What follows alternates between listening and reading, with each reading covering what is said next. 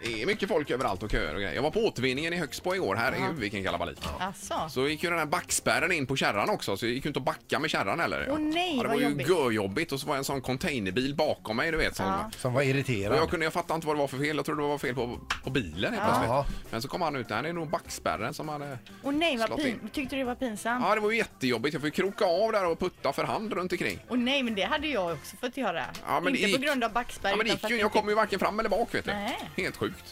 Ja, det var ju Ja, vad ett kom- har jag aldrig varit med Gud om. vad pinigt Ingmar. Ja, det är så dumt vet du. Ja, så sa han ju, han, eh, han sa ju det, ja det är bara för du är radiopratare. sa han.